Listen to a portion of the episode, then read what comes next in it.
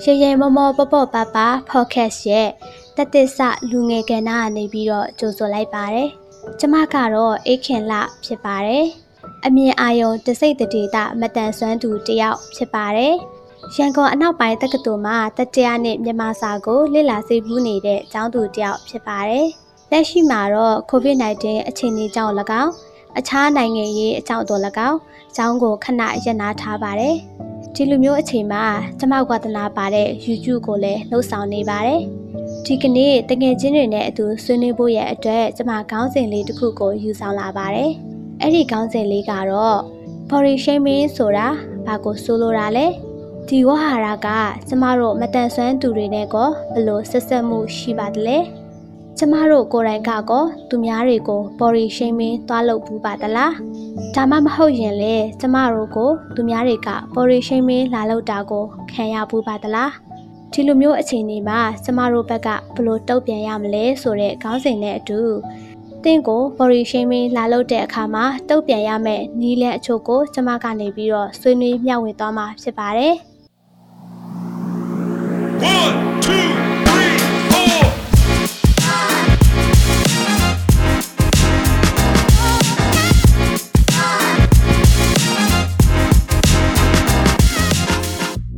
င်္ဂလာပါရှင်ရေရေမုံမုံပို့ပို့ပပရဲ့အပတ်စဉ်ပုတ်တဟူးနေ့မနေ့10:00နာရီတိုင်းတင်ဆက်နေကြဖြစ်တဲ့စက်သစ္စာလူငယ်ကဏ္ဍကနေကြိုဆိုလိုက်ပါရယ်ဒီ podcast ကတော့မြမလူမှုနယ်ပယ်ကစိတ်အားတက်ကြွပွဲဇလန်းစုံကိုအများသူငါကိုမတန်ဆွမ်းမှုအသိပညာညှင့်တင်ပေးဖို့အတွက်လွတ်လပ်တဲ့တွေးခေါ်ဆင်ခြင်နိုင်မှုတွေနဲ့မျှဝေလိုကြသူတွေရဲ့အသံတွေကိုပြုစုပြောင်းထောင်ဖို့တည်ထောင်ထားခြင်းဖြစ်ပါတယ် ကျမတို့တွေဟာလောကမှာအသက်ရှင်နေထိုင်တဲ့အခါမှာဘသူမှပြည့်ပြည့်စုံတဲ့သူရဲ့လို့မရှိပါဘူး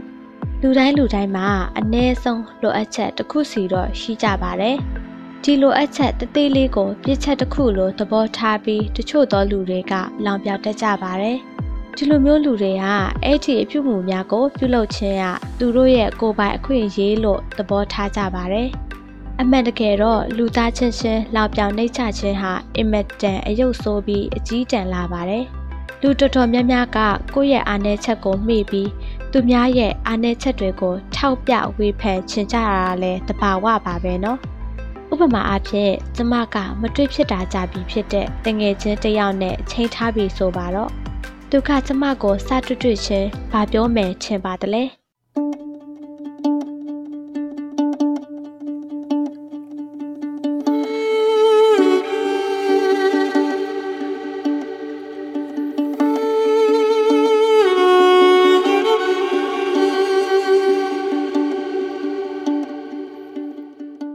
တငယ်ချင်းနေဝါလာတယ်နော်အစားလျှော့တဖြည်းဖြည်းနဲ့ဝက်ကြီးဖြစ်တော့မယ်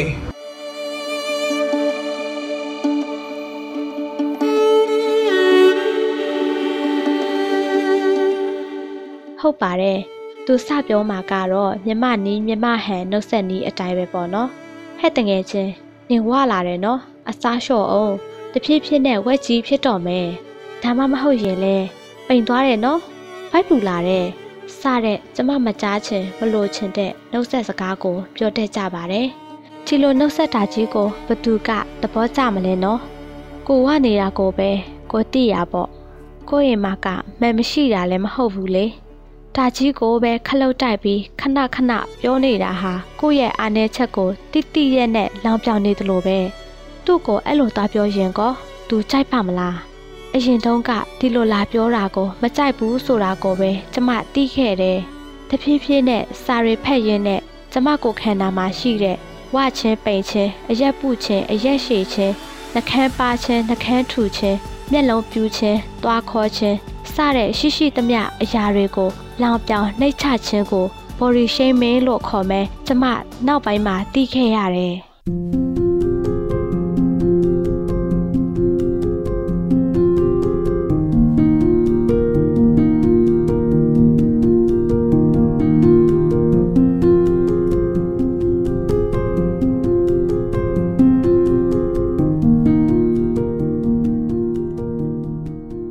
ဒီလို body shaming လုပ်ခြင်းကို ကျမက မကြိုက်ဘူးဆိုပေမဲ့ကျမမတိလိုက်တဲ့အချိန်မှာ သူများတွေကိုလည်းတွားပြီးလောင်ပြောင်ခဲ့ပူးပါတယ်။ဘာဖြစ်လို့လဲဆိုတော့ကျမတို့နေထိုင်နေတဲ့မြန်မာနိုင်ငံမှာဆိုရင်ပေါ့နော်။မွေးလာတဲ့ကလေးလေးတွေကိုနာမည်ပေးပြီးဆိုရင်တော့မှပဲ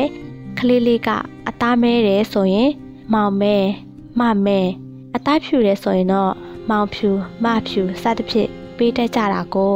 ဒီလိုမျိုး body shaming လုပ်ခံရခြင်းဟာကျမတို့မတန်ဆွမ်းသူတွေတော်တော်များများနဲ့ဆက်ဆက်မှုရှိတယ်လို့ကျမကထင်ပါတယ်။ဘာဖြစ်လို့လဲဆိုတော့ကျမကအမြင်အာရုံမတန်ဆွမ်းသူဖြစ်နေတာကိုတိတိရက်နဲ့ကျမမကြားချင်တဲ့စကားတွေဖြစ်တဲ့မြက်ကန်းလို့ခေါ်တာမျိုးကိုခံရမှုပါတယ်။အခြားသောကိုအင်ကမတန်ဆွမ်းသူတွေကိုလည်းထိုနည်းအတိုင်းပါပဲ။ထော့ကျိုးခြေပြက်လက်ပြက်စသဖြင့်၎င်း အခြားအယုံမတန်ဆွမ်းသူတွေကိုလည်းအာအားတို့စွန့်အားနာမကြတို့ရွှေအားတို့စသဖြင့်၎င်းညံရင်မတန်ဆွမ်းသူတွေကိုလည်းပြား90တို့10ပြားတို့စသဖြင့်ကျမတို့မနစ်သက်တဲ့မကြားချင်တဲ့အခေါ်အဝေါ်အတောင်းနှုံးတွေကိုယနေ့အချိန်အထိခေါ်ခေါ်သုံးဆဲပြီးကျမတို့မှာရှိတဲ့အားနည်းချက်တွေကိုလောင်ပြောင်နှိတ်ချနေကြတာကို တွေ့နေရသေးပါပဲ။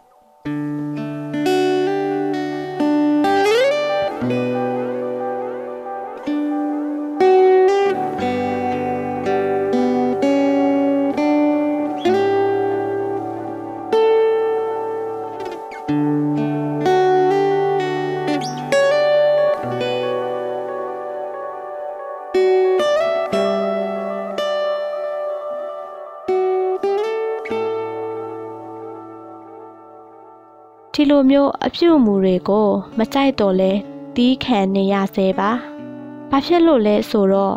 လူတက်မှုလည်းမဟုတ်မရဲမှုလည်းမဟုတ်ပဲနဲ့ကျမတို့ရဲ့ကိုယ်ခန္ဓာမှာရှိတဲ့အားနည်းချက်ဒါမှမဟုတ်စိတ်ပိုင်းဆိုင်ရာမှာရှိတဲ့အားနည်းချက်များကိုတိတိရက်နဲ့ဖြစ်စေ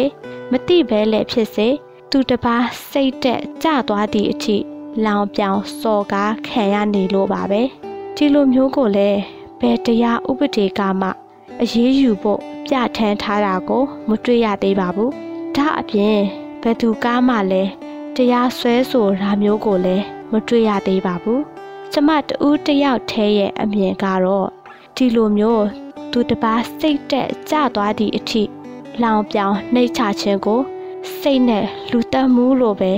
ဆိုချင်ပါတယ်။ဘာဖြစ်လို့လဲဆိုရင်ဒီလို body shaming လောက်ခံရပြီးနောက် ကိုကိုကိုအဆုံးစီရင်သွားကြတဲ့လူတော်တော်များများရှိနေလို့ပါပဲ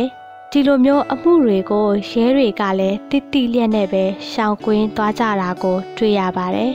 ဥပမာအားဖြင့်2019မှာဖြစ်ပွားသွားခဲ့တဲ့လိန်ပိုင်းဆိုင်ရာ ခွဲခြားလောင်ပြောင်ခံရလို့ကိုကိုကိုအဆုံးစီရင်သွားခဲ့တဲ့ကိုကျော်ဆွင်ဝေးဆိုတဲ့လူငယ်လေးကိုမိကြအောင်မယ်လို့မထင်ပါဘူးနော် ဒါကိုစိတ်ပိုင်းဆိုင်ရာ လူတက်မှုလို့မခေါ်ရင်ဘလို့ခေါ်ရပါမလဲရှင်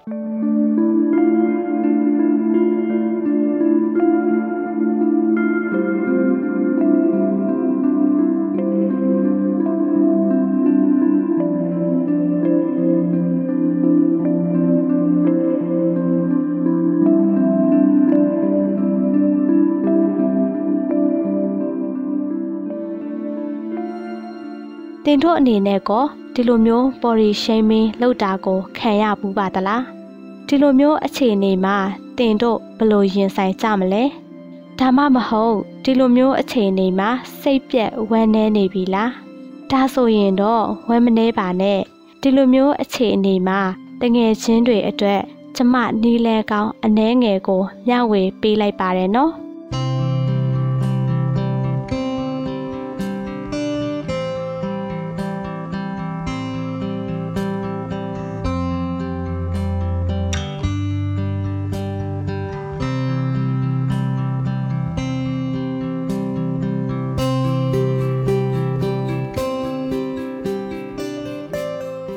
ဘော်ရီရှိန်မင်းလှုပ်ခံရတဲ့အခါမှာတောက်ပြန်ရမယ်နီလန်ထဲကပထမအချက်ကတော့ကိုကိုကိုယုံကြည်မှုရှိဖို့ပါပဲ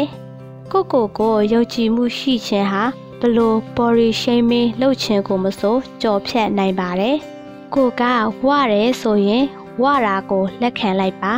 ဝါလို့ကိုကိုကိုယုံကြည်မှုမရှိဖြစ်နေရင်သူများတွေကကိုကိုဖိနှိပ်လာတဲ့အခါပို့ပြီးစိတ်ဆင်းရဲရပါမယ်။ ဒါကြောင့်ကိုယ့်ရဲ့အားနည်းချက်ကိုလက်ခံပြီးကိုကိုကိုယုံကြည်မှုရှိစွာသက်လက်နေထိုင်ပါနော်။တင့်ရဲ့အားနည်းချက်ဟာဘဝတစ်ခုလုံးအတွက်အရှုံးပေးစရာမဟုတ်ပါဘူး။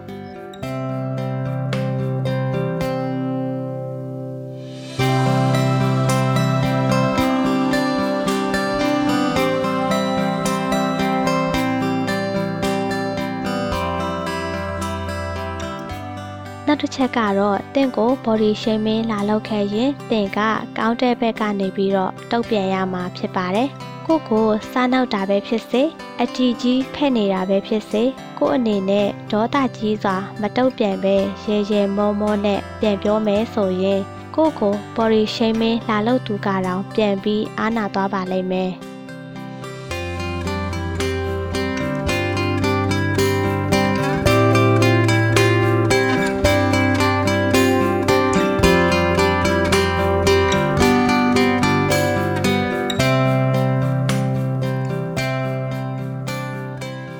မှမဟုတ်အဲ့လိုမျိုးအချိန်မှာတင်ကခံစားသွားရမယ်ဆိုရင်တော့သူတို့တွေကတင့်ကို body shaming လုပ်ချင်ဟာလဲအထားမြောက်သွားပါလိမ့်မယ်နော်ဒါကြောင့်တင့်ရဲ့အားနည်းချက်တစ်ခုခုကိုပြောလာခဲ့မယ်ဆိုရင်ဟုတ်တယ်ငါမှာတော့ဒီလိုမျိုးအားနည်းချက်လေးတော့ရှိရကွာဆိုပြီးတော့ရေရေမောမောပေါ့ပေါ့ပပလေးနဲ့ပြန်ပြီးတုတ်ပြန်လိုက်ပါနော်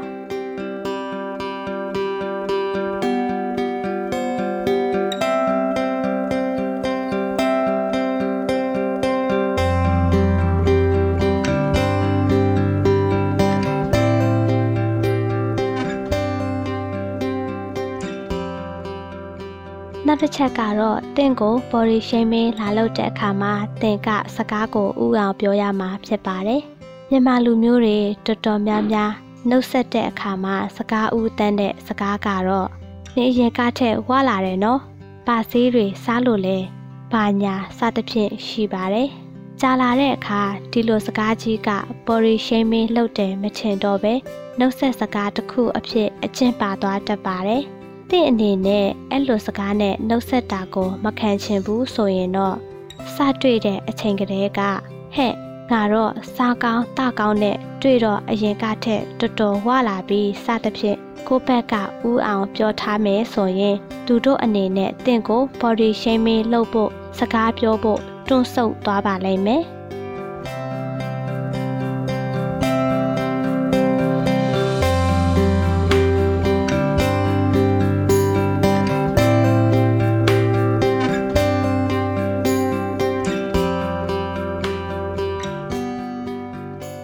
တစ်ချက်ကတော့တင့်ရဲ့အားနည်းချက်ကိုချစ်ရမှာဖြစ်ပါတယ်။ကို့အပေါ်မှာ body shaming လှုပ်လာတဲ့စကားတွေကိုစိတ်ညစ်ခံပြီးခံစားနေမဲ့အစားမတိချင်အောင်ဆောင်နေလိုက်ပါ။အထက်ကကတင့်ကိုတင်ချစ်နေဖို့ပါပဲ။အပေါ်မှာပြောခဲ့တယ်လို့ပဲပေါ့။လူတိုင်းမှာအ ਨੇ ဆုံးအားနည်းချက်တစ်ခုစီတော့ရှိကြတာပါပဲ။ဒီအားနည်းချက်ကိုနာကြီးမုတ်တီးနေမယ်ဆိုရင်လက်ရှိဘဝကြီးကို တင်ပျော်ရွှင်တော့မှာမဟုတ်ပါဘူးအချိန်ကြာလာတဲ့အခါစိတ်ယောဂဝင်လာပြီးစိုးကျိုးရလက်တွေပဲဖြစ်လာမှာဖြစ်ပါတယ်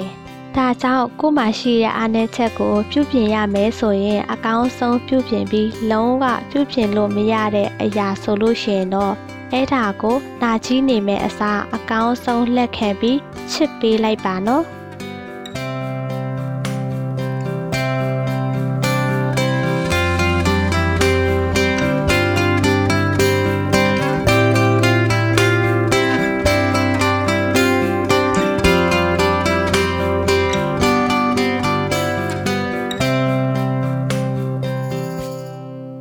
တစ်ချက်ကတော့တင့်ကို body shaming လုပ်တတ်တဲ့သူကို အတက်နိုင်ဆုံးရှောင်ရမှာဖြစ်ပါတယ်။တင့်ရဲ့မိတ်ဆွေအပေါင်းအသင်းတွေထဲမှာကိုယ့်ရဲ့အားနည်းချက်ကိုအမြဲတမ်းဖော်ကောင်းလုပ်ပြီးရေမောချင်နေတတ်သူလည်းရှိပါတယ်။တစ်ခါနှစ်ခါလောက်ကိုယ့်ရဲ့အားနည်းချက်ကိုရေစရာအဖြစ်စတဲ့အခါတီးခံပေးလို့ရပေမဲ့ထက်ခါထက်ခါတွေ့တိုင်းဒီလိုပဲစနေမယ်ဆိုရင်တော့သိကြပါတယ်။အဲ့ဒီလူဟာတင့်ရဲ့မိတ်ဆွေကောင်း တငယ်ချင်းကောင်းမဟုတ်တော့ပါဘူးနော်ဒါဆိုရင်ဒီလိုမျိုးလူနဲ့အတက်နိုင်ဆုံးအပေါင်းအသင်းမလုပ်ဖြစ်အောင်ရှောင်ကျဉ်လိုက်ပါလို့ပြောရင်းနဲ့ဒီနေ့အစစ်အစင်လေးကိုဒီလောက်နဲ့ပဲရှင်းနာလိုက်ပါတယ်။အားလုံးပဲ body shaming လုပ်ခံရခြင်းအန္တရာယ်မှလည်းကင်းဝေးကြပါစေရှင်။ Bye bye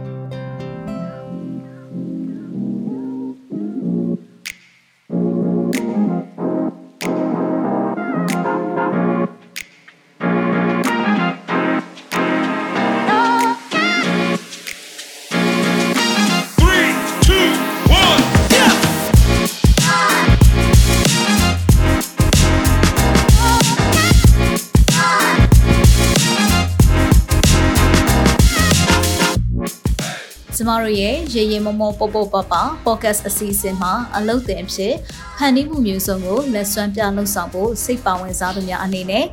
Google Form ကနေပြီးတော့မှမိမိတို့ရဲ့မှတ်ပုံတင်ရှင်းနှောင်းနဲ့အလှတက်ပုံတစ်ပုံအပြင်နမူနာလက်ရာတစ်ခုနဲ့အတူအမြင့်ဆုံးလျှောက်ထားဖို့ဖိတ်ခေါ်လိုက်ပါတယ်။နောက်ပတ်ပုတ်တကူးနေ့မနက်10:00နာရီမှာပြန်ဆုံကြရအောင်နော်။ Thank you.